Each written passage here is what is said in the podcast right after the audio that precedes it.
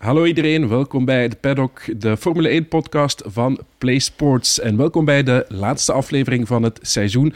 Een lang seizoen, 22 uh, grote prijzen hebben we gereden. En we gaan terugblikken op die grote prijzen. We gaan er ook de beste momenten van Abu Dhabi bij nemen. En dat doen we zoals altijd met Sam de Jonge. Sam, een lang seizoen, zoals gezegd. Yes. Ben je dan ook blij, omdat het niet meer spannend was voor de titel, dat het erop zit? Eerlijk gezegd wel. We hebben dat een aantal keer aangehaald ook op tv. Ik vind het ook niet erg om te zeggen. Het is, het is een lang seizoen en ik, vind, ik ben niet zo negatief beïnvloed geweest door de dominantie van Red Bull. Ik heb genoten van mm -hmm. Max Verstappen, eerlijk gezegd. Um, en ik vond het erachter ook spannend. Spannender dan dat we in andere jaren van dominantie hebben gezien tussen teams. En de groei ook technisch gezien richting het einde van het seizoen vond ik een interessant verhaal. Um, maar het is, het is toch wel lang. Hè. Uh, ja. Genoeg Grand Prix, volgend jaar nog iets meer. Maar... 24 dan, ja. inderdaad. Nu, om terug te blikken op deze 22, heb je veel schoon volk meegebracht. Vertel eens. Gert Vermeers, uh, ten eerste, die uh, zijn beste hemd heeft aangedaan na een opmerking gisteren. Ja. dat het niet fleurig genoeg was. dus dat is heel fijn. Um, en uh, ook ja, voor mij toch de grootste autoriteit binnen België en een stuk erbuiten, denk ik. Uh, op vlak van eenzitters, single-seaters en Formule 1 wagens zijn single-seaters. Ja. Uh, iemand dat ik zelf al lang ken, voor mij altijd wel een klankbord geweest, zeker toen ik in de Formule 3 zelf zat. het is een beetje deze periode van Sinterklaas, maar het is de betere versie. Dus welkom, Jos Klaas. Wauw. Goeiedag allemaal. Dat is een mooie intro. Um, Gert, jou kennen we uiteraard. Maar Jos, uh, jou kennen de kijkers en luisteraars misschien nog niet helemaal. Uh, kan je eens vertellen wat je doet? Wel, uh, uh, de laatste 30 jaar werk ik voor Dallara Automobili. Wij bouwen auto's voor zes, zeven verschillende single-seater klasses natuurlijk. En ook de Haas Formule 1 auto's. Ja. Wij bouwen sportscars voor een aantal merken. En wij doen wat consultancy werk voor streetcars, hypercars enzovoort. Ja. Toen ik begon bij Dallara waren we 34 man en nu zijn we 800 man. Ja, dat is indrukwekkend, inderdaad. En dat is de grootste racewagenfabrikant ter wereld, heb ik gelezen. Ja, met grote voorsprong, ja. ja. Want uh, allee, wij zijn met 800 man, maar de volgende is bijvoorbeeld Cliché of zo, en die hebben 250 man in dienst. Ja. Um, en dan kom je direct bij Tatus of zo terecht, uh, dan heb je 80 man in dienst. Dus wij zitten hmm. daar uh, ver boven, ja. ja. Dat klopt. En wat is jouw functie daar precies? Ik heb altijd in RD gezeten, en, uh, maar ik ben ook altijd uh, naar de circuits gegaan, uh, technische assistentie van onze klanten. van Japan tot, tot Brazilië en de US, alles ertussen. En ik heb de firma ook twintig jaar lang vertegenwoordigd in de FIA-commissies. En, um, en nu doe ik nog altijd wel wat support voor de teams, nog altijd mee beslissen over bepaalde tendensen die we gaan vormen, uh, volgen, uh, technisch. en nieuwe projecten, altijd met nieuwe projecten bezig, altijd in de toekomst kijken. Ja, het is, ik heb erover gelezen, het is wel een interessant verhaal. Je bent ook of wordt genoemd de rechterhand van Gianpaolo Dallara. Ja, ik weet niet wie dat, dat schrijft, maar uh, hij heeft zelf, uh, zelf een rechterhand hoor. Uh, um, maar inderdaad, we hebben een heel close relatie, ja, ja, dat is zo, ja. Je viert er kerst mee blijkbaar. Goh, waar staat dat allemaal geschreven? Maar dat klopt, ja, dat zijn geen leugens. Ja, ja dat is ah, voilà. Kijk, dat is mooi, Sam. Ja, absoluut. Indrukwekkend. Ik, ik, ik, denk nu ineens, we hebben hem er net uh, koffie gegeven, maar ik hoop dat hij niet te gemiddeld was. Gezien de goede koffie in Italië. Ik weet dat Jos er ook gevoelig voor is. Um, maar ja, oké, okay, ik, ken, ik ken Jos al lang, dus ik ken een beetje zijn, uh, zijn weg. En uh, ik zeg het, hij heeft al veel, denk ik, piloten ook geholpen in de juiste richting, dingen te kiezen. Want dat je geen single-seater zit, um, is die keuze niet altijd even duidelijk. Mm -hmm. Of als beginnende piloot nu is het eigenlijk nog iets anders. Hè. Vroeger was het denk ik duidelijker dat je richting Formule 1 wilde gaan. Dan ging je Formule Renault eventueel doen. Formule 3 was dan sowieso het programma. Maar nu is bij piloten kiezen of dat ze, ze wel die single-seater route gaan nemen of rechtstreeks naar GT's gaan gaan. Dus het is denk nu nog iets complexer dan in uh, mijn uh, tijd. Ja. Uh, Jos, heb jij dan ook gsm-nummers van Formule 1-piloten in jouw gsm staan? Ja, inderdaad. Ja. Uh, ja, voor, ons, voor mij is dat indrukwekkend. Ja.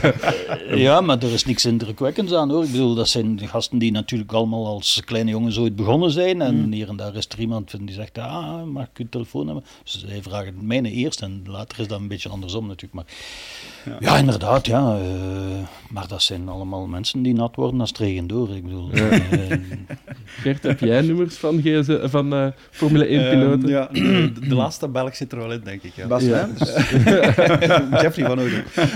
Um, nee, maar, maar ik vind, ja, ik vind Jos eigenlijk het, het, het, type voorbeeld van waar wij Belgen goed in zijn. Wij, wij hoeven niet in de kijker te lopen, wij lopen achter de schermen, maar...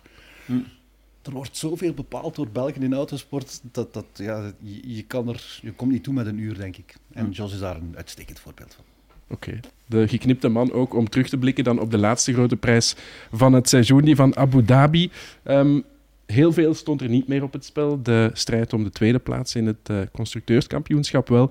Maar wat onthouden jullie eigenlijk van die grote prijs? Ik ga bij jou beginnen. Van Abu Dhabi zelf? Ja. Um, de, de, de manier waarop dat Max Verstappen tot de laatste ronde die perfectie heeft nagestreefd. En, en, achteraf bleek dan ook dat hij eigenlijk wel belangrijk vond dat hij op één seizoen duizend ronden aan de leiding heeft gereden. Dat waren dus 1003 om precies te zijn. Um, hij heeft 19 koersen gewonnen. Hij heeft meer dan dubbel zoveel punten als, als Sergio Perez, de tweede. Ehm, dat waren allemaal dingetjes die blijkbaar voor hem speelden. Alhoewel de rijders altijd aan het publiek zeggen: ja, maar die statistieken, dat is niet voor ons. Maar ze zijn er wel mee bezig. Ja, ja, ja, absoluut. En het feit dat hij, dat ook, dat hij zichzelf motiveert om, om die perfectie te vinden ook. Ook dat incident in de vrije training bijvoorbeeld, hè, waar in de, in de tunnel iedereen begint in te halen, dat, dat stamt daaruit gewoon. En daar moet je, dat kan je niet anders dan heel diep respect voor hebben. Voor iemand die, die dat na een seizoen van 22 races, dat al lang in de plooi lag, dat je dat toch nog kan opbrengen. Ja, we gaan het straks nog uitgebreider hebben over het seizoen van uh, Max Verstappen. Maar er was ook een bizarre strategie bij Ferrari. Jos, heb jij daar iets van begrepen bij die pitstopkeuzes of die bandenkeuzes van Carlos Sainz? Uh, nee, pardon, daar, heb ik, uh, daar ken ik het detail niet van. Uh, maar ik wil heel eventjes terugkomen op de, het vorige... U bent begonnen met te zeggen van het draaide om niet meer veel meer. Maar daar zal Fred Vasseur toch niet helemaal, en Frans Toos trouwens ook niet helemaal uw mening delen. Hoor. Ehm, want het ging voor hun nog om een plaats uh, meer naar voren of niet in de Constructors Championship. Ja. En dat vertegenwoordigt veel geld eigenlijk. Oké. Okay, ja in het geheel van Ferrari is dat relatief natuurlijk. Maar uh, zeker en vast ook voor Frans Tost was dat wel, uh, wel zeer belangrijk geweest. Ja. Uh, juist niet gelukt, spijt genoeg, in zijn allerlaatste Grand Prix enzovoort. Ja. ja. Ehm, maar voor de toeschouwers, die kijken meestal naar wie er kampioen wordt of wie, er, natuurlijk, wie er wint. Maar, maar, ik snap het wel inderdaad uiteraard, voor uiteraard, Frans Tost. Het was net niet met Yuki Tsunoda. Die dan, maar ik zat niet in het publiek. En ehm, allee, ik denk dat er nog, nog heel wat eh, te doen was. Ook die piloten die rond die derde plaats aan het strijden ja, waren, dat gaat zo gezegd nergens meer over, want Lewis Hamilton is zeven keer wereldkampioen geworden. Of wat. Maar toch, je ziet, oh la la la la. dat was uh, nog tamelijk intens en dat was, dat was mooi, want, want de race trok natuurlijk ook niet veel. Maar, um, uh, exact. En, en het, is, het is al goed dat er zo nog iets was om het seizoen af te sluiten. Ja. Maar, pardon, de vraag uh, die u mij stelt over de bandenkeuzes van... uiteraard, als je van achter vertrekt, dat hij op, op Harts ja. vertrokken is dat is zeker en vast uh, plausibel. Als je begint te simuleren, dan kom je gemakkelijk bij zoiets uit. Als je een relatief snelle auto hebt en je moet wel van achter starten. Dat, dat, gaat, dat, kan ik de rest van het verhaal weten. Het leek mij dat ze gewoon één gok hadden, dat was de safety car tussenkomst, maar dan ga je toch niet door tot de voorlaatste ronde. Maar inderdaad, dat, dat was duidelijk. Ze wachten inderdaad, of ze hadden gehoopt op een safety car. Ik denk dat nog iets anders is. Ik denk dat, dat de dat ze hadden gedacht dat ze langer konden rijden met de harde die er iets sneller doorging. Van, van achterkomende, allee, op zich veel moeite doen om voor te geraken, meer energie gebruiken. Mhm. En ze wilden voor die eenstopper gaan, maar uiteindelijk een switch naar de mediums. Maar wanneer ze, denk ik, moesten pieten met nog 35 ronden, was dat te lang voor die medium compound. Moesten ze terug naar hard gaan, wat dan ook niet de performance leverde. Als het eerste stint gezien, die gaat snel op, dus dan kan je er ook niet alles gaan uithalen. En dan ben je direct beperkt. Plus, denk ik, een stuk onzekerheid langs Science en Kent ook nou toch wel redelijk hevige impact tijdens de vrije trainingen. patat, ja. En daar, leek zo daarna nooit meer helemaal in zijn element terug te komen. Uh, wat zo uit een high-speed crash niet iets mega onlogisch is, denk ik. Het woord onzekerheid is zeker wel goed gekozen, maar dat zit ook aan, aan het muurtje bij Ferrari. Mm. Uh, waar dat, als men al uh, fulltime bezig is met Leclerc, dan hebben ze weinig energie, ja. mentale energie over voor de rest. En daar waren ze toch ook wel echt mee bezig. Hè? Mm. maar, ja, wat, wat, wat, ik ook vond aan het eind, was Charles Leclerc zelf die dan met die voorstellen afkwam van, moet ik wat inhouden? En, Maar dat is toch zijn taak niet? Dat moet toch van de race engineer komen? Ik snap het ook niet helemaal. Dus als soms... Het is wel een trend dat we bij Ferrari meer zien. ja. ja. maar dat was natuurlijk ook een plan dat zeer, zeer moeilijk uit te voeren ja, is. Ja, maar ik vond het altijd dat hij, hij moest op, op 4,5 seconden toekomen uh, en, en uh, zodanig dat uh, nee, Russell op, iets Russell meer op 16e ja. achter hem zat, 5,1 seconden of zo. Ja, dus lot van veel auto's natuurlijk, ja, ja. Maar hij had er wel aan gedacht. Ja, dat, dat, vond ik al, dat vond ik al goed, dat hij eraan dacht. En dat hij dan met, met dat voorstel kwam, terwijl het eigenlijk omgekeerd had moeten zijn. Van, van, allee, er zijn toch heel veel teams mm. die, die zeggen van... Uh, uh, GP Lambiasi bijvoorbeeld, bij Verstappen, die zegt iets. Max, je gaat luisteren naar mij. Dat gebeurt bij Ferrari niet. Hè. Wel, uh, ik denk dat Leclerc na het Singapore uh, Festival ja. van Sainz ook een keer zeer intelligent uit de hoek wilde komen. En uh, dat is hem dan ook nog gelukt ook. Ja. Ja. Um, nog, nog, iets wat opviel, die pitstop infringements. Um, ik vond dat opvallend. Heel wat rijders die onderzocht werden. We wisten niet waarom, maar nu weten we het wel. Omdat er een vizier zou opengestaan hebben bij de pit crew. Dat is het nadeel van een, een, een uh, hoe heet het, een twilight race, hè? Abu Dhabi, dus van, van licht naar donker. Uh, voor de, de rijders valt dat nog mee voor dat vizier te kiezen. Uh, voor de, de pitstop crew, die moeten dus verplicht ook met een dichte helm, met vizier naar beneden, die pitstop uitvoeren, want je moet uh, oogbescherming hebben. Mm Tuurlijk, als je een donker vizier begint in daglicht, als je dan nog een pitstop moet doen als het donker is, met dat donker vizier, dat helpt niet. Dus er zijn er nogal, nogal wat die dat vizier hebben opgezet, waardoor ze de regels hebben overtreden. Tot daar aan toe. Dat kan ik nog volgen. Maar dan als je als wedstrijdleiding gewoon zegt dat zes rijders worden onderzocht voor een pitstop infringement, wat de meest algemene term is die er is, ja. geef toch iets meer uitleg voor de tv-kijkers, zou ik zeggen. En zeker voor de commentatoren, want wij weten nooit van iets. Ja. En, en dus voor, Ach, je weet het dan toch zelf? Ja, voilà. ja, want... En, maar, maar dat, dan denk ik, kan je, eh, zeker omdat Max Verstappen er ook bij zat, ja, je kan je denken van, wat gaat hij nu nog 30 seconden straf krijgen? Gaat hij deze race nog verliezen? En dan, dan, dan weet je het niet. Had ze dat gewoon gezegd, dat het gewoon was wegens uh, het vizier dat open stond, dan had iedereen geweten, oké, als er een straf komt, dan zal het voor het team zijn, niet voor de rijder. Ja, dat is toch opvallend in tijden waarin dat de Formule 1 al veel vooruit is gegaan wat uh, mededelingen betreft. Dan op het scherm zie je allerlei grafiekjes. En, Maar dit komt dan van de FIA. En dat wordt dan minder goed. En dan is, het, dan, is het, uh, ja, dan is het weer wazig. Hè? Ik heb een ja. blindspot gekregen voor dat balkje dat bovenaan komt. Moet er zoveel zijn. En ja. na een tijd kijk je er niet meer naar. Dus dat moet helpen om duidelijkheid te scheppen. Maar kreeg een blindspot omdat er gewoon zoveel zijn en omdat er zoveel irrelevante bij zijn. Dus. En ze zijn ook niet snel. Want, want bedoel, wij hebben hier het voordeel dat wij de rechtstreekse link hebben van de boodschappen van Race Control. Ja. Dus wij zien die op ons computerscherm komen, mm. maar op het tv-scherm komt die soms maar een minuut, anderhalve, twee minuten later. Juist. Terwijl dan is het al bijna achterhaald. Dus, ja.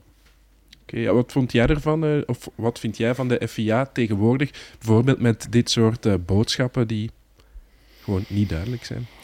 Bij de vraag stellen wat dat ik van de FIA vind, is dan Tricky. delicaat. Oké, okay. uh, dan was het een goede vraag.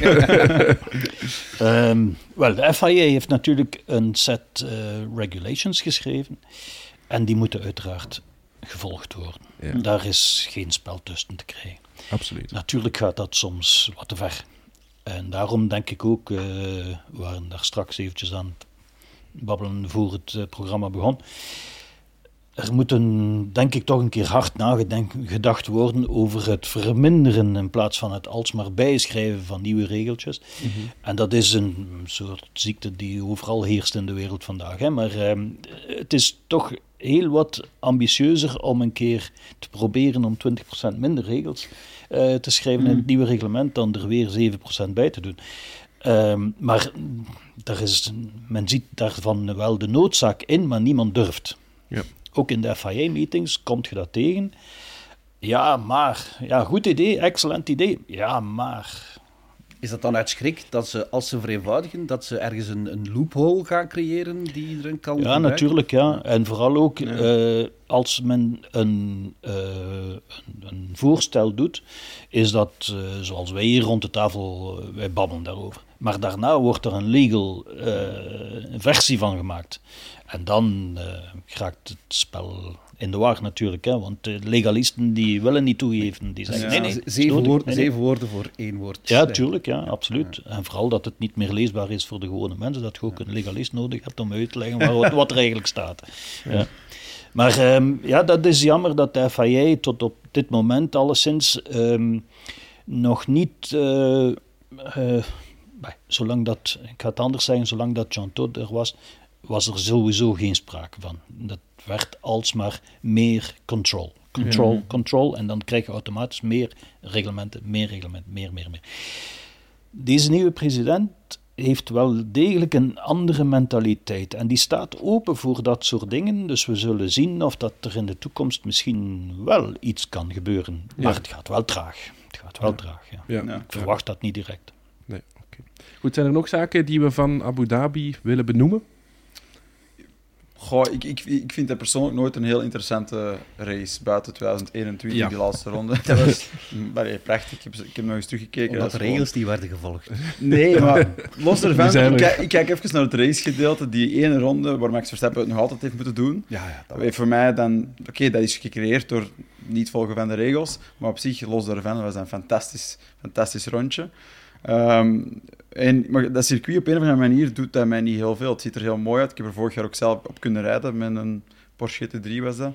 En, uh, en zelfs dan erop te rijden vond ik het niet, niet mega. Ik weet het niet. Er is iets aan het circuit dat mij niet aanspreekt of zo. Het is, high, het is voor een stuk high speed. Er zijn wel wat, het is wat techniciteit, zeker in de laatste sector. Maar, en toch vind ik het nooit heel aantrekkelijk overkomen. Dus ja. Maar die wijzigingen, daar zijn we wel van, van ja, ja. Ik, hè? De, de wijziging van een paar jaar terug, die, die, die, die, is een verbetering. Hè? Voor een Formule 1-wagen, denk ik, uh, is er ja. tactisch veel meer mogelijk qua inhalen in zo'n soort bocht. Ja. Well, ik denk toch dat we al content mogen zijn dat het inhalen redelijk mogelijk is. Ja. ja? Met die twee uh, DRS-zones achter elkaar. Ja. Die turn 9 die twee, drie lijnen kent, als het een beetje mee zit. Um, ja, dat is, al, dat is al positief natuurlijk. Mm. Hè? Um, en voor de rest, uh, ja, vind het wel, uh, ik vind het wel een tamelijk mooie uh, facility en een, ja, redelijk, redelijk uh, gevarieerd circuit hoor. Het komt er meer uit dat het een verbetering is in de Formule 2, vind ik, dan in de Formule 1. Ja. Want Formule 2 races in Abu Dhabi zijn niet zelden echt interessant, ook omdat het meestal ook de laatste zijn. En die wagens die mogen kapot, volgens de rijders. volgens de rijders. volgens de rijders, hè. En, en dus die, die gaan dan echt diep.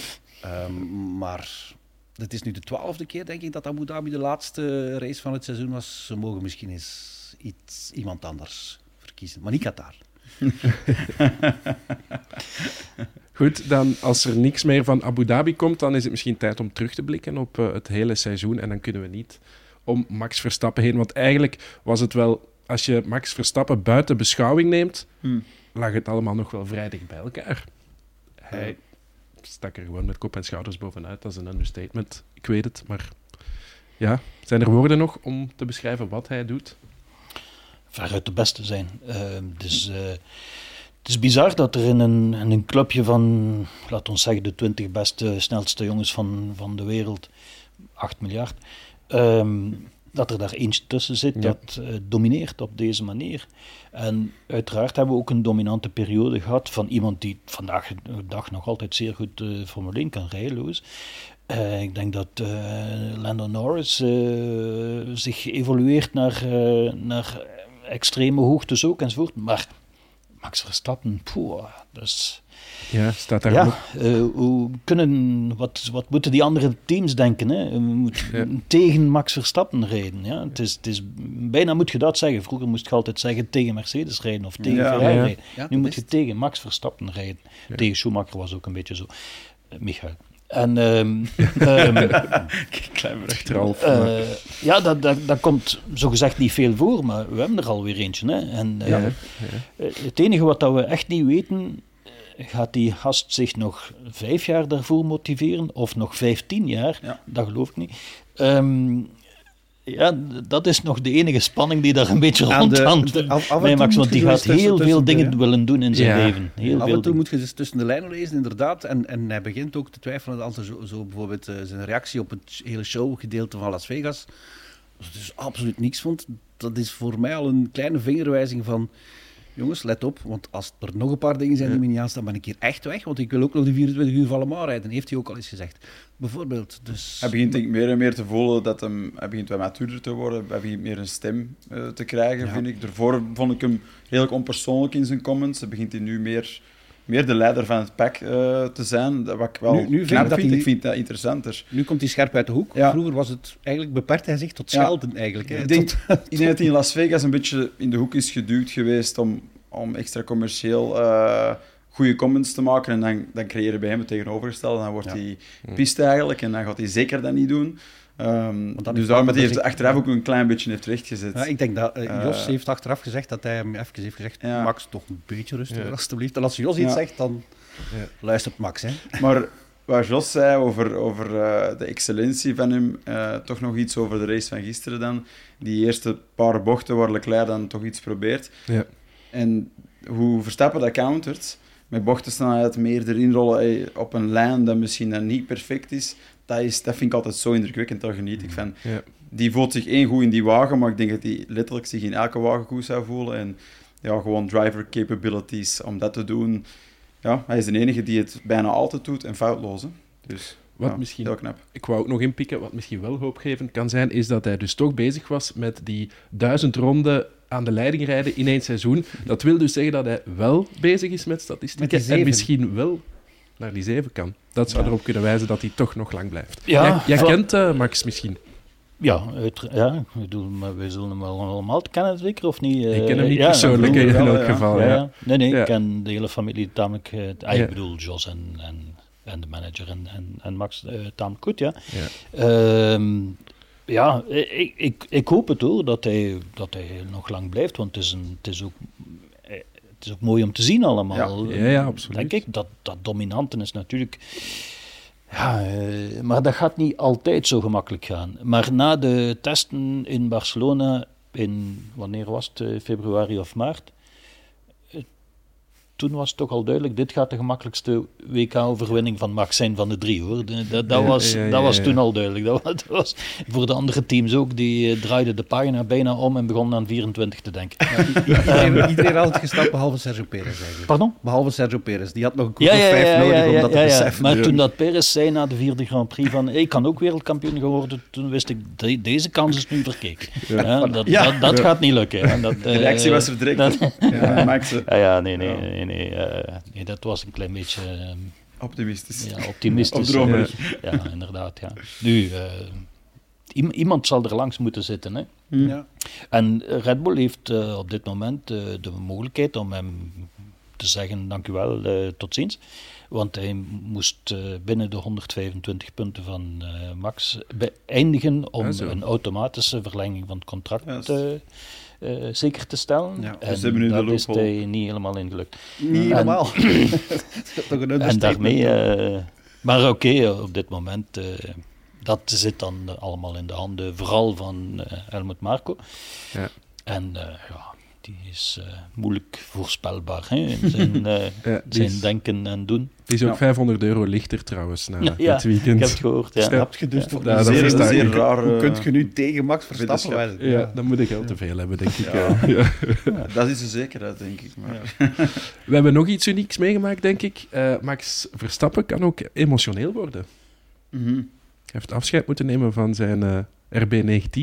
Ja, dat is waar. Ik, ik, vond, ik vond de reactie ook, de, de manier waarop hij... Hij was wel eerlijk. Uit die wagen stapte, dat, dat bijna een schouderklopje geven aan de auto. Ja. Uh, dat, dat, dat, ja, dat is niet zoals we gewoon zijn van Max Verstappen. Ik vind uh, voor iemand als jou bijvoorbeeld, een rijder die een wagen bedankt, ik vind dat altijd mooi. Mm. Ja, dat is, is, mooi, ja. Um, maar ik begrijp dat wel, ja. Uh, het is een zeer intense ervaring, denk ik. Uh, ik heb het nooit meegemaakt, Formule 1 rijden. Um, en ja, 22 Grand Prix, 19 ervan winnen. Ja. ja. Um, maar die, die link tussen mens en machine, voor iemand die die machine maakt, hè? zoals jij. Uh, dat moet toch ook ergens een, geeft dat dan een, een, een, een zekere waardering voor jouw werk ook, als je dat ziet? Ja, uiteraard. In dit geval heb ik nee, met die Red Bull niks te maken. hè, maar uh, uit, uiteraard is dat zo. Maar mm. eigenlijk, het zijn, ik zou zeggen, twee momenten die nog belangrijker zijn. Als de, de eerste auto klaar is, en je zet hem op de grond, nog in uw atelier, ah, baby is ready.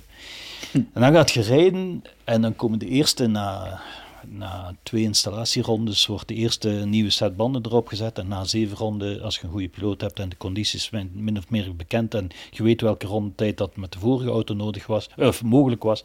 En die nieuwe auto is drie tiende rap. En dan oh. En ja. dat is in stilte, maar dat is een geweldig, geweldig moment.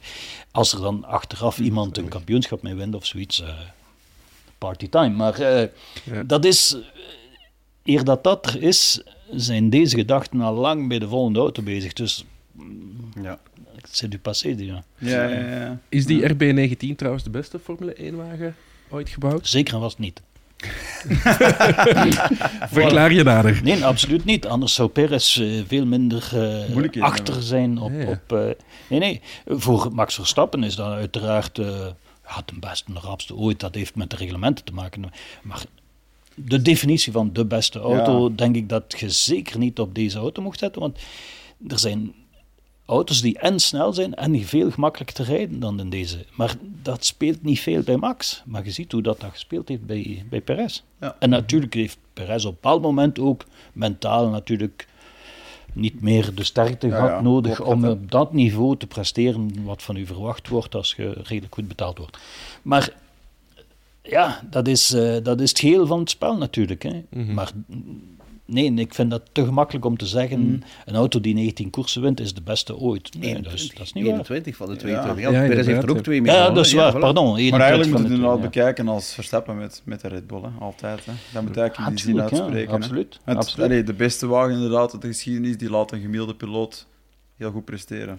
Maar McLaren heeft ook ooit alle, alle races min één gewonnen, omdat uh, Schlesser uh, eventjes dacht de statistieken wat te tweaken. Maar uh, ja, nee, ik vind dat. er is, ik denk dat moest je daar nu tien piloten in laten rijden in die auto dat er een hoop van die piloten zijn van, oh, oh een beetje edgy car. Hè? Eh, dus, dus ik zou dat niet noodzakelijk de beste auto ooit noemen. Oké, heel interessant. Dat wil zeggen dat Max Verstappen gewoon... Voilà, ik vind dat ook. Het, het excuus van hij heeft een beste auto... Hmm. Haalt eruit wat er uit die auto zit, zeg ik altijd. En, en, en het, het contrast met de teammaat vind ik ook altijd een goede vergelijking. Als, als, die, als je meer dan dubbel zoveel punten hebt als je team had, dan, mm. dan is de inbreng van de rijder toch wel groot. Ik vind, ik vind dat sowieso irrelevante discussies over uh, Hamilton die bij Mercedes kwam en die dan zo het voorrecht had om met de beste wagen te rijden en daarom wereldkampioen is. Hij is in de eerste plaats gevraagd binnen dat project omdat hij zo goed was. Voilà. Voordat je er een wereldtitel mee pakt. Dus voor mij is dat altijd irrelevant. Schumacher met piloten komen niet vaak bij teams terecht die dan gaan domineren als ze niet goed genoeg waren in het analyseproces van hun hand te trekken binnen dat team. En Verstappen was al waanzinnig goed uh, voordat hij in deze winnende auto stapte. Dus voilà, dat is een, uh, maar eerlijk denk ik hè, dat dat zo uitkomt. En gevoelsmatig voor de piloten zullen de beste auto's de die geweest zijn die ja. hoogstens 600 kilo gewogen hebben en niet bijna uh, 950 en aan de start meer dan 1000 kilo. Um, die piloten van vandaag zijn, zijn daarmee vertrouwd en het is zoals het is.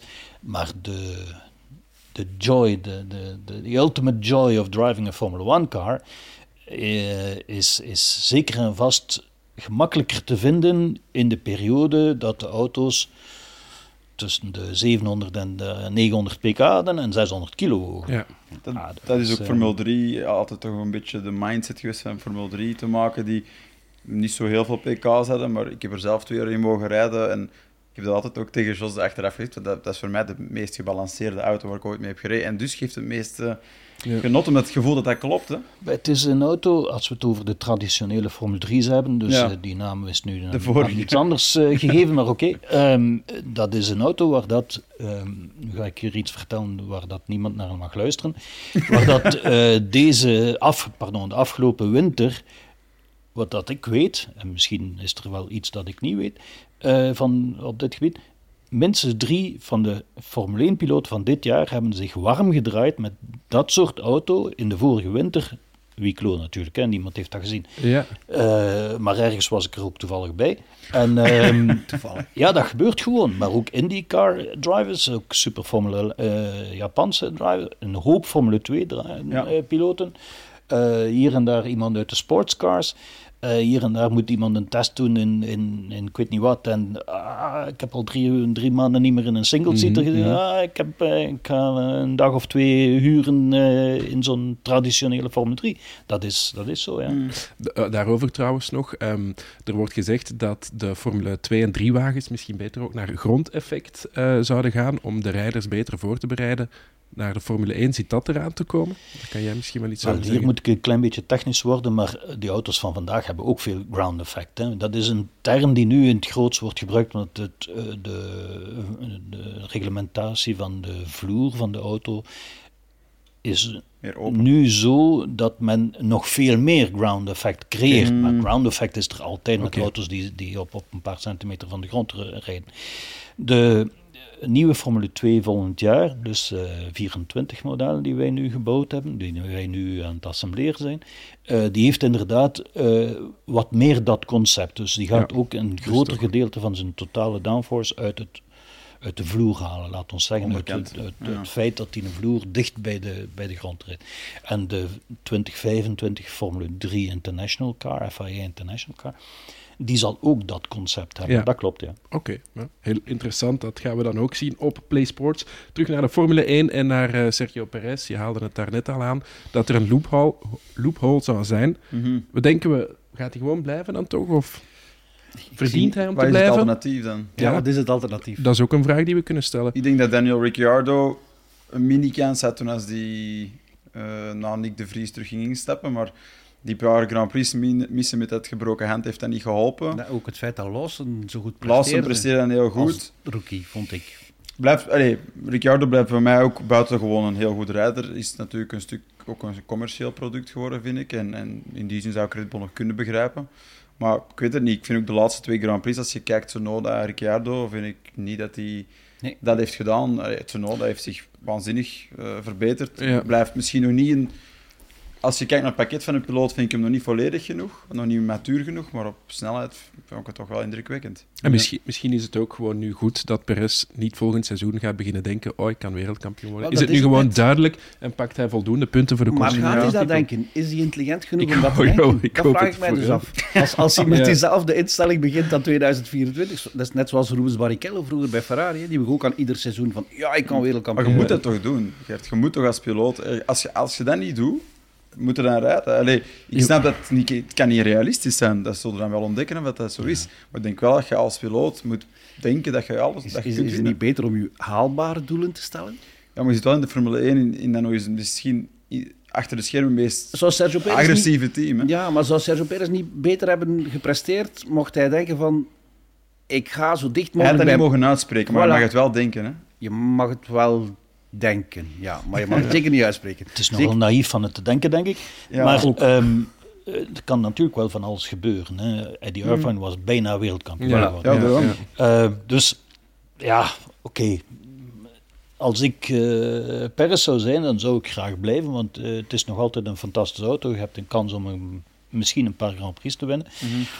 Ja, waarvoor zijt je daar anders? Hè? Voilà. Uh, en anders moet Perez naar huis. Hè? Ja, uh, ik denk maar, als hij met dezelfde instelling rijdt in de eerste helft van volgend jaar en weer een paar domme fouten maakt, zoals hij dit jaar gedaan heeft, zou het me niet verbazen mocht hij het seizoen niet volmaken dan. Want dan ja. gaat dokter Marco toch zeggen van Sergio, kom, we hebben nu toch ja. wel genoeg kansen gegeven nu. Ik denk ook wel een klein beetje dat het niet enkel psychologisch was bij hem, maar ook een stuk in de richting dat die auto beter is geworden qua afstelling, dat toch zal gegaan zijn in de richting van Verstappen zijn reis. En dan nog, en dan nog Sam. Dan, dan, dan is het aan, nee, nee. Aan, aan het talent van de rijder om zich aan te passen. Misschien niet volledig, want dat gaat nooit lukken. Want die wagen gaat altijd beter bij Verstappen passen dan bij jou. Maar pas je dan ook aan? Ik vind hem zeker niet indrukwekkend. Ja, maar ja, pas je aan. Hey, rijstijl is een rijstijl. Je moet, je moet, kunt je aanpassen, maar je echte sterkte... Dat is, of van je echte zwakte dus een sterk te maken is wel niet iets heel is simpel niet evident, in de dat weet, dat weet ik ook. Maar, maar je, je, moet niet blijven forceren, vind ik ook. Nee. En dat is ook... Ik vind eigenlijk dat, dat Red Bull met Perez te kiezen, één, toen, op het moment dat ze tegen een paar jaar terug het failliet van hun eigen juniorprogramma al bijna hebben aangekondigd. Want je zit daar Absoluut. met hoeveel, hoeveel Red Bull wagens rijden er in de Formule 2? Zes? Zeven? Zes. Zes. dus, en, en, en geen enkele van die, van die zes zou, wordt nu ook maar overwogen om, om die plaats in te pakken. Ja, Dan, ja, vanwege niet goed genoeg natuurlijk. Ja, ook. Um, ja. Hmm. Maar ja, heeft Red Bull het nodig om, om Perez te vervangen? Is het... Is hij... Qua punten niet, hè? Als je, nee, voilà, als dus, je Max in huis hebt, heb je niks nodig. Nee, nee, nee, Door Perez moeten ze eigenlijk nu maar 7 miljoen betalen om te mogen deelnemen aan de Formule 1 volgend jaar. Anders is dat nog meer geweest. Ja, het is per punt. Uh, per punt, hè? Ja, ja, het is waar. Dus, uh, dus ergens mogen ze denkbaar zijn. Ja. Eigenlijk heeft hij te veel gescoord. Sarcastisch natuurlijk. Het, het, is een beetje pijnlijk natuurlijk, maar ja. dat, is, dat is nu eenmaal de prijs die je betaalt als je naast een fenomeen als Max zit. Ja, iedereen dus, die er al eh, heeft naast gezeten. Dat is moeilijk, dat is lastig, dat is dat is uh, mentaal vreselijk, maar hallo. Uh... Als je in data kijkt en je ziet een gap en je snapt niet hoe dat je dat moet doen, dat is het eerste wat er is voor een piloot. Ja. ja. ja. Goed, misschien genoeg over Red Bull. We hebben, ik zou graag de top 10 ja, ja. Uh, overlopen. We hebben veel te weinig tijd. Ja, we kunnen, moeten niet uh, overal even lang blijven stilstaan. Maar ja, over Lewis Hamilton wil ik het toch zeker hebben. Derde geworden in uh, het kampioenschap. Um, al twee jaar, denk ik, geen race meer gewonnen. Klopt. Kan Mercedes volgend jaar er dichterbij zitten of is dat ijdele hoop met deze regelgeving?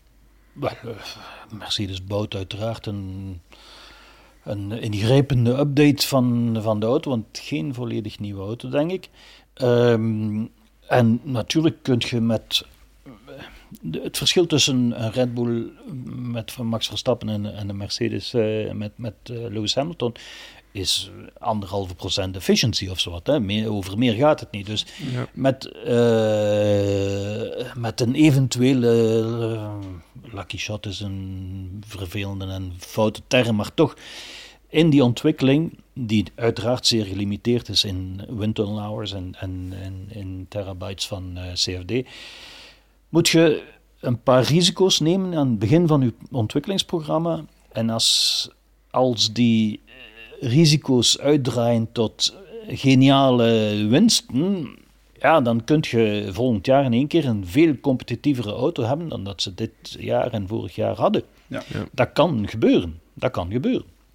Uh, iedereen is natuurlijk aan de, aan de auto van volgend jaar bezig. Maar er zijn ook al teams die heel hard bezig zijn met 26. Ja. Ja. En dus die ontwikkelingen zijn iets minder ingrijpend dan dat nodig is om Max mm. Verstappen met een Red Bull te verslaan, denk ik. Ehm, maar nogmaals, als zij zien van we hebben hier een paar we zijn hier in een paar richtingen ingeslaan die geweldig goed marcheren, dan zou het wel kunnen dat men rond de tafel zegt, kom, we gaan ervoor. We hebben misschien toch nog een kans om in 24 bijvoorbeeld uh, te presteren.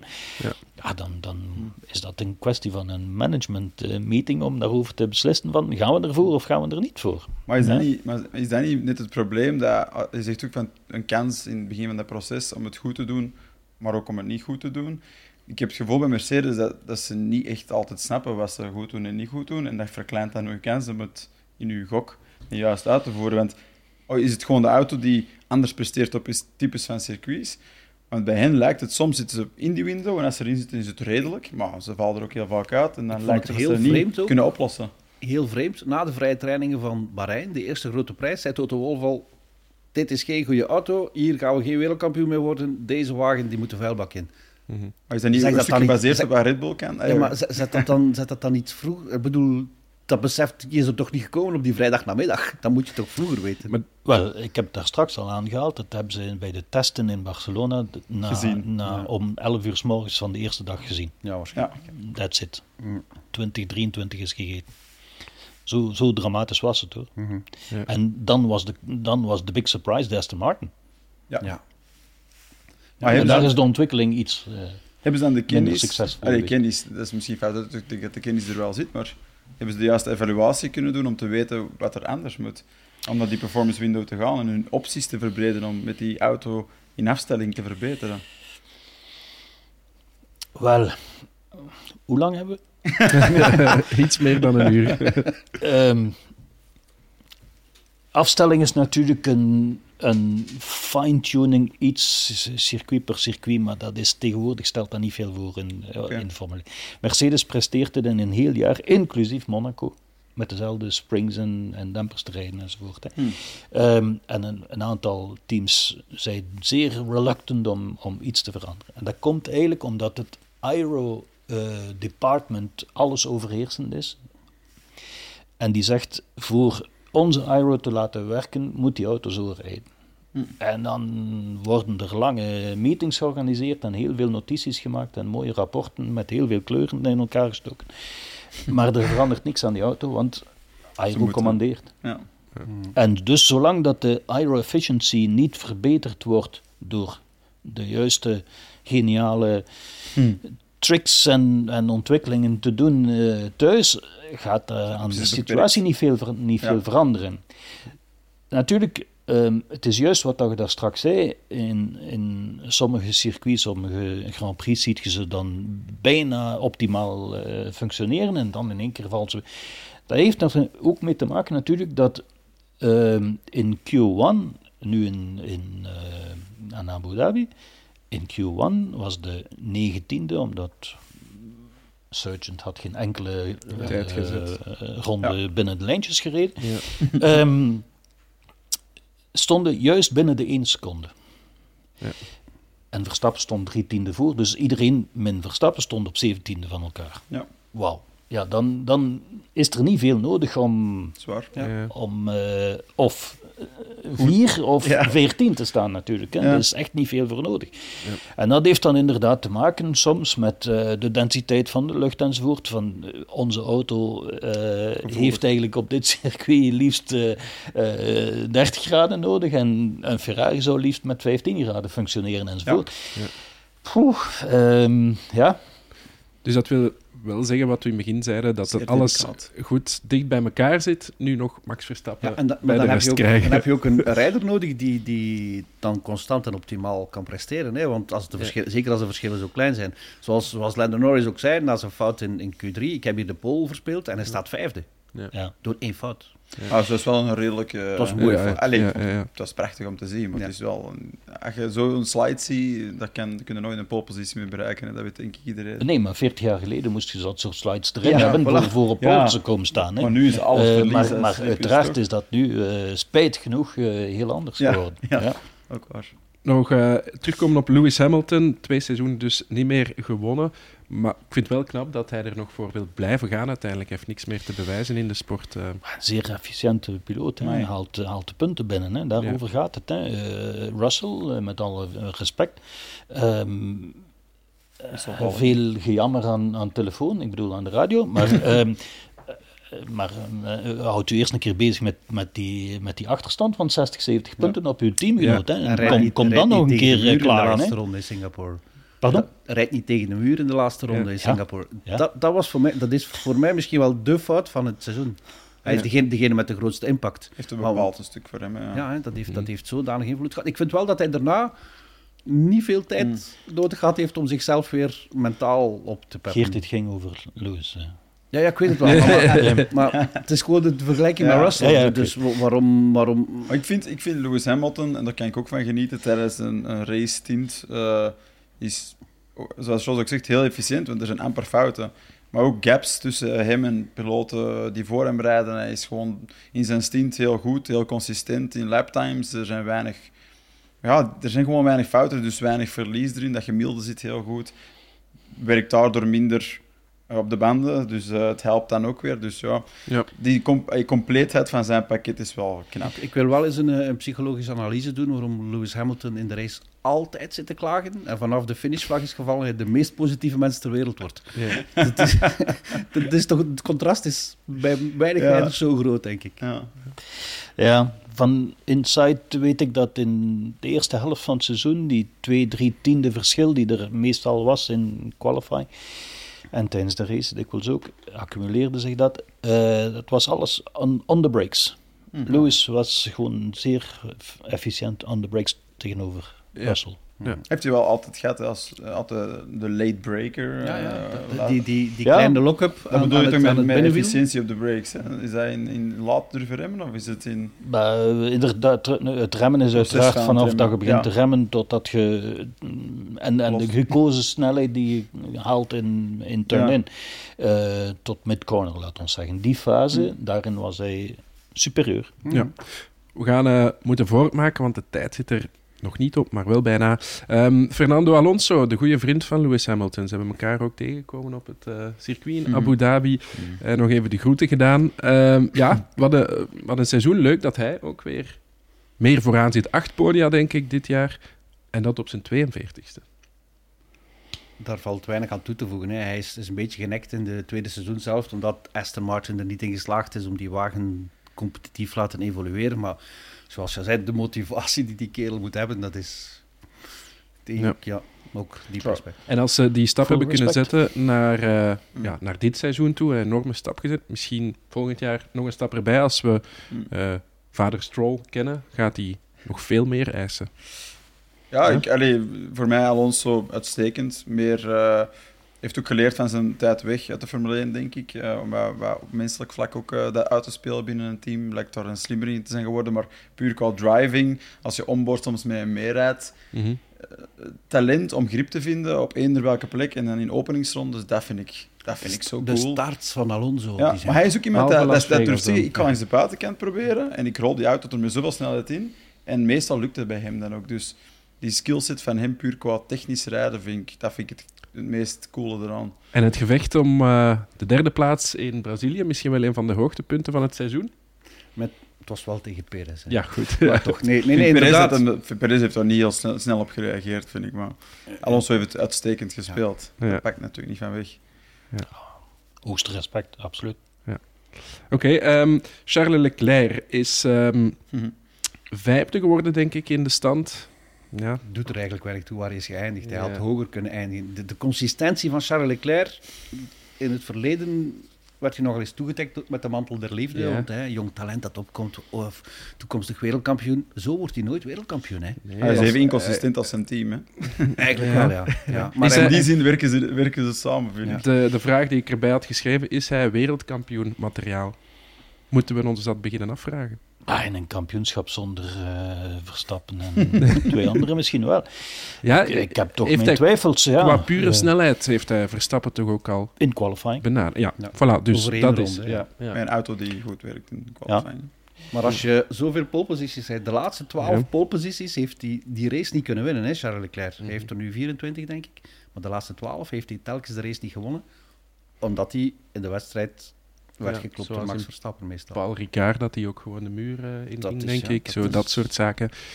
Dat is misschien te constant. Ja, daar word je geen wereldkampioen mee natuurlijk. Nee, die auto gaat uh, um, seriously superior moeten zijn voordat zo iemand wereldkampioen kan worden. En dat zie ik nu niet direct gebeuren, maar 26 zou wel een keer een, een nieuwe Formule 1 kunnen ontstaan. Ja, want dan komen er nieuwe regels, dat moeten we zeggen voor de mensen die dat misschien is zeer ver gevorderd in de motorontwikkeling in 26. Oké. En uh, ja, dat, uh, dat zou wel een keer een, uh, een behoorlijke, tot een behoorlijke reshuffle kunnen... Denk, denk Als er geen groot talent dan ook wordt toegevoegd. Ah, ja, bedoel, bij Sainz zal dan zeker niet meer rood nee, gekleed nee. zijn, maar um, wie dan wel is uiteraard de vraag. Ja. Olly Berman. Ja, Hele leuke naam. Ferrari Junior. Ik, vind hem, ik ben er nog altijd van overtuigd en ik vind hem ook nog altijd het voordeel van de twijfel. Hè. Ferrari Junior in Formule 2. Dit jaar stevig gereden, stevig fouten gemaakt ook, maar ja. goed gereden vind ik. En die, als hij inderdaad gaat klimmen richting Ferrari tegen 26, gaat hij daar misschien klaar voor zijn. Misschien. Ja, we gaan het zien. Um, iemand die er sneller uh, aan kan komen is Lando Norris. Hè? Die ja, is maar zesde geworden in het kampioenschap. Maar goed, dat doet er misschien niet toe. Maar zoals jij zei, die is naar grote hoogte aan het gooien. Ja, dat vind ik wel, ja. Uh, ja, maakt eigenlijk weinig fouten. Oké, vandaag hebben we, of uh, gisteren hebben we er, wanneer was het? In de qualifier. Gisteren in de qualifier ja, ja, ja, een grove gezien, zo gezegd. Maar oké, het is iemand die ook dat soort fouten nog maakt. Ondertussen zijn we al een paar jaar bezig en de jaren hebben uh, high mileage. Hè. Uh, ooit waren er uh, 10 en, en ja, 8 en, en 12 Grand Prix en nu 22. Ja. dus oké, okay, er, is, er wordt natuurlijk ook niet meer privé getest en dat moeten we niet vergeten. Dat is ook ooit geweest natuurlijk. Maar um, ja, het is iemand die heel hard pusht hè, en, en ook een hele goede racecraft heeft. Hè. Ja. En uh, die vooral dan ook, dat mogen we vooral niet vergeten, mentaal zeer sterk is. Hè. Zeer rustige ja. En die Belgische moeders, dat doet toch iets. Hè? Ja, maar, um... ja, ja, er is een uitzondering. Hè,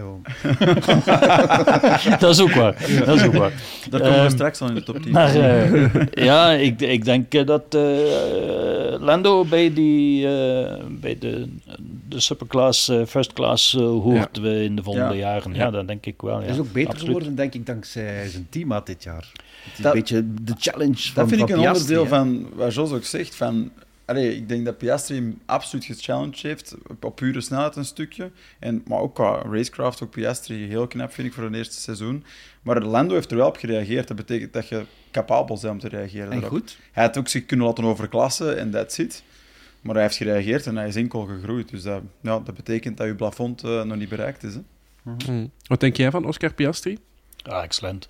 Ja. McLaren had dit jaar de gemiddeld beste Ja, driver line-up. Ja. Ja. Volgens mij wel, ja. Ja. En zeker in de toekomst. eh, Ja, zelfs Max Verstappen zei dat.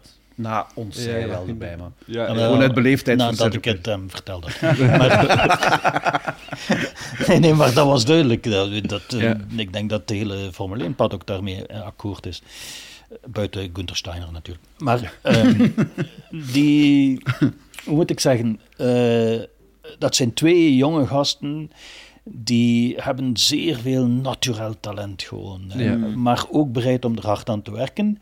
En op dat gebied is Lando Norris inderdaad dit jaar een beetje gechal- gechallenged geweest, want hij was iets te veel aan het vuiven in, eh, Ja, hè? op al moment. En inderdaad, eh, iemand heeft hem wel, Zack Brown, heeft hem wel een beetje wakker geschud. Ja, van, hallo. Ik ben, Eh. ik ben ook allee, fan van Piastri. Ik mag dat misschien niet zeggen, want ik ben journalist. Maar goed, eh, ik, heb hem, ik, heb hem, ik heb hem zien eh, door die eh, eh, jongere klasses doorkomen. Dat was heel indru- indrukwekkend. Maar hij is nu wel op 108 punten van Norris geëindigd. Is dat niet te veel?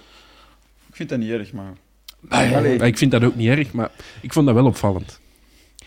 Ja, natuurlijk is dat opvallend. Ja. Ehm, maar oké, uitloop. een eerste seizoen. eh, Ja. ja, oké. En, en Lando Norris is echt niet de eerste en de beste. Hè? Dus, En toch ook een moeilijke auto, denk ik. Hè? McLaren, mm, allee, qua drivability lijkt het soms wel eens even te bijten.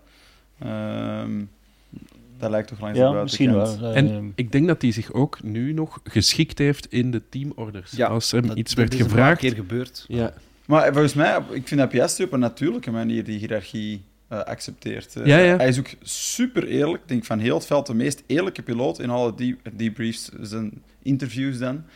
Zeer nuchter, hè? Ja. Ik deed dat fout, dat moet beter. Maar ik vind niet dat ik dat nu fout doe. Ik vind dat ergens logisch. Ik ga eraan werken. Ja. Er zijn er weinig die dat op tv zo durven zeggen. En Ik hij heb heel- altijd- Lando indruk- toevallig ook. Ja, Lando ook, ja. Ik Klopt. heb altijd de indruk bij Piastri, bij Norris had ik dat vroeger ook, maar nu minder omdat Piastri er is. Maar bij alles wat hij doet, dat er in zijn achterhoofd zit, mijn tijd komt nog. ja. En ik neem mijn tijd nu om alles te Ja. leren. En als ik alles heb geleerd, of toch zo goed als alles, dan, dan Is, ben dat, ik er. is dat opvallend dat Mark Webber dan zijn eh, manager is? Want die was toch soms ongeduldig, denk ik. Ja, maar had Mark Webber zijn manager niet geweest, dan zat hij misschien nog altijd bij Alpine. Ja. Ah ja, Mark Ja, ja. Webber heeft zich daar kwaad gemaakt met reden, vind ik. Ik vind Ja, het ja, ja. altijd onzinnig vinden dat Alpine hem een jaar aan de kant heeft geschoven, Piastri. Maar ja, Dat durven het risico niet pakken. Hè. Nee, maar ook niet met Alonso om langer dan een jaar contract te geven. Dus eh Ja. duidelijk eh, hoe ze toen aan het denken waren. Hè. Maar wel vier jaar voor Ocon. Frans. Ehm, waar ik het wel nog over wil hebben is, ehm, je zei daar straks, bij de test in Barcelona wist Mercedes, deze wagen wordt niks. Ik denk dat ze bij McLaren toen ook het omgekeerde gedacht hebben van... Of dat ze, dat ze toen hebben gedacht, ja, dit wordt niks, maar het werd wel iets. Hoe kan dat dan? Ik eh, had inderdaad van McLaren niet die dip verwacht. Omdat McLaren is de eerste geweest die in 21 al met een extreme long wheelbase reed. En dat waren, was de voorbode van de 22, 23 auto's. Ja. En ik dacht, hmm, dat is slim gezien. Het is niet, niet het ideale voor, voor 21, maar dat wordt het. En, ehm, dus dat, die dip kwam als een surprise voor mij.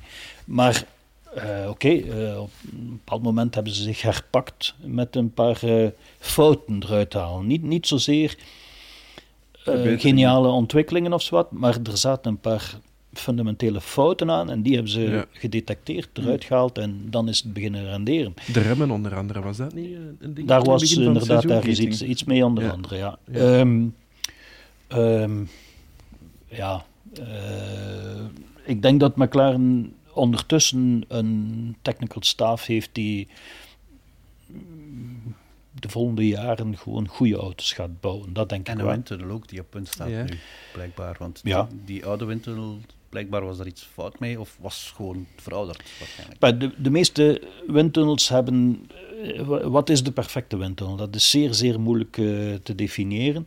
Um, maar de foute marge die er is en, en uh, de, de technische problemen die er kunnen zijn, kunnen van fundamentele of van iets ja. minder fundamentele ja.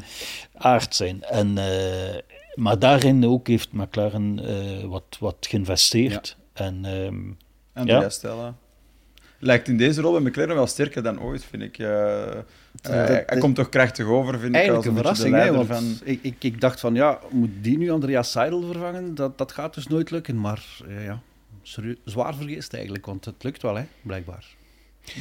Ja, ik weet niet precies of dat hij nu toevallig uh, die switch, of dat hij daar verantwoordelijk voor geweest is, dat weet ik niet, maar in elk geval, het hij heeft team, hij heeft daar rust gebracht. Hij heeft daar rust gebracht. man. Dus, uh, is, ja. hebben de problemen opgelost. Daar ja. gaat het over. Hè. Ja. Um, ja. Eerlijk gezegd, Zeidel, uh, met al respect door, ik ken hem goed, maar heeft nog niet de wereld on fire gezet, nergens. Hè. Ook bij Alfa Romeo dit jaar uiteraard niet, hè. Nee. in zijn Audi hemdje. Um, voilà. Ja, dus daarvan moeten we het beste toch nog zien, denk ik. Ja. ja. ja. Um, nog vlug even door de top 10 gaan. We hadden Sainz op plaats 7. Um, is dit jaar dichter wel bij Leclerc gekomen, maar dat is misschien omdat Leclerc te veel steken heeft laten vallen? Of? Mm, zat ook in laptime, denk ik, uh, ja. wel dichter bij Leclerc dan, dan voordien. Ja. Hard, ik vind dat wel, ik vind Sainz wel een harde werker. Sainz is uh, al in Monaco beginnen werken aan het verbeteren van de auto. Hè? Is vroeger dan Leclerc beginnen werken, denk ik, aan het verbeteren van de auto. Ik denk dat ook ergens logisch is. Vroeger aangegeven dat er... In die verhoudingen. Ik denk dat Leclerc wilde ergens die auto hebben. Ja. Want ik ben goed genoeg om er nu snel mee te rijden. En Sainz in zijn eigen ontwikkeling is denk ik meer geneigd om mee te helpen. Ik denk mm -hmm. dat ergens logisch is in die verhouding. Ik heb, heeft wel een koers gewonnen, hè? Ja, ja dat is het enige van uh, niet Red Bull en, en Leclerc heeft de laatste race nodig gehad om uiteindelijk mijn tot, punten tot, ervoor te eindigen. Ja, ja, tot dan was, was Sainz. Dat zegt natuurlijk ook wel iets over Leclerc. Hè. Ja. Ja, ja. Want Sainz, met al respect, is Sainz. Hè. Uh, Leclerc was bedoeld om... Ik heb, ja, ik heb uh, de, toevallig de um, podcast beluisterd met Frans Toost, um, die met Sainz heeft ja. gewerkt. En die gaf toe dat Sainz niet de intrinsieke snelheid heeft meteen op de piste, maar wel um, zo hard werkt aan... ja, ik denk dat het begin wel duidelijk was. Ja. Al ja, aan het begin van zijn carrière. Hè. Ik heb hem ooit zien debuteren in Jezelo. Ik reed toen in de junior rijd eronder nog. Mm -hmm. En ook zelfs daarna bij Tonikart was hij nooit waanzinnig indrukwekkend. Ik denk dat hij heel veel dagen heeft nodig gehad op een afgesloten Valencia-circuit of ergens uh, in een single-seater om, uh, om die snelheid te vinden. Maar ik apprecieer, ik apprecieer even goed iemand die heel hard werkt. Ja, voilà. Dat dus. is denk ik de conclusie. We hebben dan, sorry dat ik er doorga, maar de tijd zit er bijna op. Russell op plaats 8, die hebben we al Eigenlijk behandeld, gaat, denk ik. Uh, Piastri, Piastri, ook, hebben we aangeraakt. En dan hebben we op 10 Lance Stroll. 10 toch nog? Ja, ja die Aston ja. Martin was bijzonder goed. Ja. ja. Maar, eh, pardon, uh, uh. Lens is natuurlijk wel een, een ja. piloot die gerust zijn kans, kans mag sturen. krijgen in Formule 1. Maar op dit moment is natuurlijk uh, de aanwezigheid van zijn vader in de achtergrond van zijn team wel een maar dat gaat belangrijk argument. de rest van zijn carrière zo zijn. Ik denk dat hij op een paar races van het einde dicht bij een besluit stond van ermee te kappen en iets heel Waarom heeft hij dat niet genomen? Hij heeft interesses in het management van de bedrijven van zijn vader enzovoort. Mm -hmm. Um, uh, ja, uh, hele team verwachten, had dat verwachten met twee T's. dat eigenlijk, en het is er uiteindelijk niet van gekomen, want op het, voor iemand anders, pardon, is op het slechtste moment de heropstandige van, van Stroll gekomen op drie, ronden, drie eh, races van het einde. Ja. Dus men gaat opnieuw volgend jaar beginnen en we gaan wel zien. Maar ja, dat ligt toch een klein beetje wankel in de balans, balans denk ik. Ja. Het, het is gewoon de, de snelheid, hij heeft het een paar keer laten zien. De snelheid heeft hij wel. Oh, motivatie. Ja, ja, maar dat, dat verklaart wel wat jij nu zegt natuurlijk, dat hij naar andere dingen zit te kijken. Dat, dan, dan kan je moeilijk... We spreken over het hoogste niveau van de autosport. Je moet toch, denk ik, 105% willen geven om enigszins binnen de, iets aanvaardbaar te zitten qua performance. Nog heel kort, want uh, we gaan naar volgend jaar al kijken. Dan zijn er 24 races. Jij kent de teams, je kent de mensen daarbinnen. Wat vinden ze eigenlijk van 24, 24 races in één jaar? Hmm. Een hoop mensen zijn daar niet zo heel blij mee. Ja. Ehm, Dominicali eh, wel. Um, maar um, ja... De, wat, wat, hoor jij dan, ja? Het is inderdaad uh, heavy, hè? Ja, uh, Voor het privéleven van, van heel wat mensen daarin enzovoort. Behoorlijk challenging. Ja. Natuurlijk, uh, uiteindelijk als je genoeg betaald krijgt enzovoort, dan neemt je veel pijn, hè? Maar, uh, in het mm. Engels. Maar ja, uh, het wordt boven hun hoofd uiteindelijk beslist. Hè? Ooit zei Bernie 20 races nooit van zijn leven. Ja. Ja, oké. Okay. Eh, lang verleden natuurlijk allemaal. Hè? 24. Hè? NASCAR doet 36 races, maar die, dezelfde crew doet race 1 en diezelfde crew doet pas de volgende race in race 4 bijvoorbeeld. en, en, race 2 en race 3 zijn andere crews die dan weer race 5 en 6 doen enzovoort. Dus dat is een totaal andere... maar je ziet dat je aan een op een bepaald moment komt je aan die limiet en dan moet je het anders organiseren. Ja. En moest de, Duitse, moest, moest de Formule 1 gerund worden onder Duitse reglementering, eh, dan zou dat niet kunnen. Kunnen, Dit soort... Uh, ja. ja. Goed, onze tijd zit er jammer genoeg op. We zouden nog lang kunnen doorgaan, maar uh, het is helaas gedaan voor, voor dit seizoen. Inderdaad, ik ga jullie bedanken uh, voor jullie komst. En u thuis bedankt voor het luisteren of kijken. Volgend jaar dus 24 races, allemaal live en exclusief te bekijken op PlaySports. Vanaf 1 maart zijn we er terug bij. Heel graag, tot dan.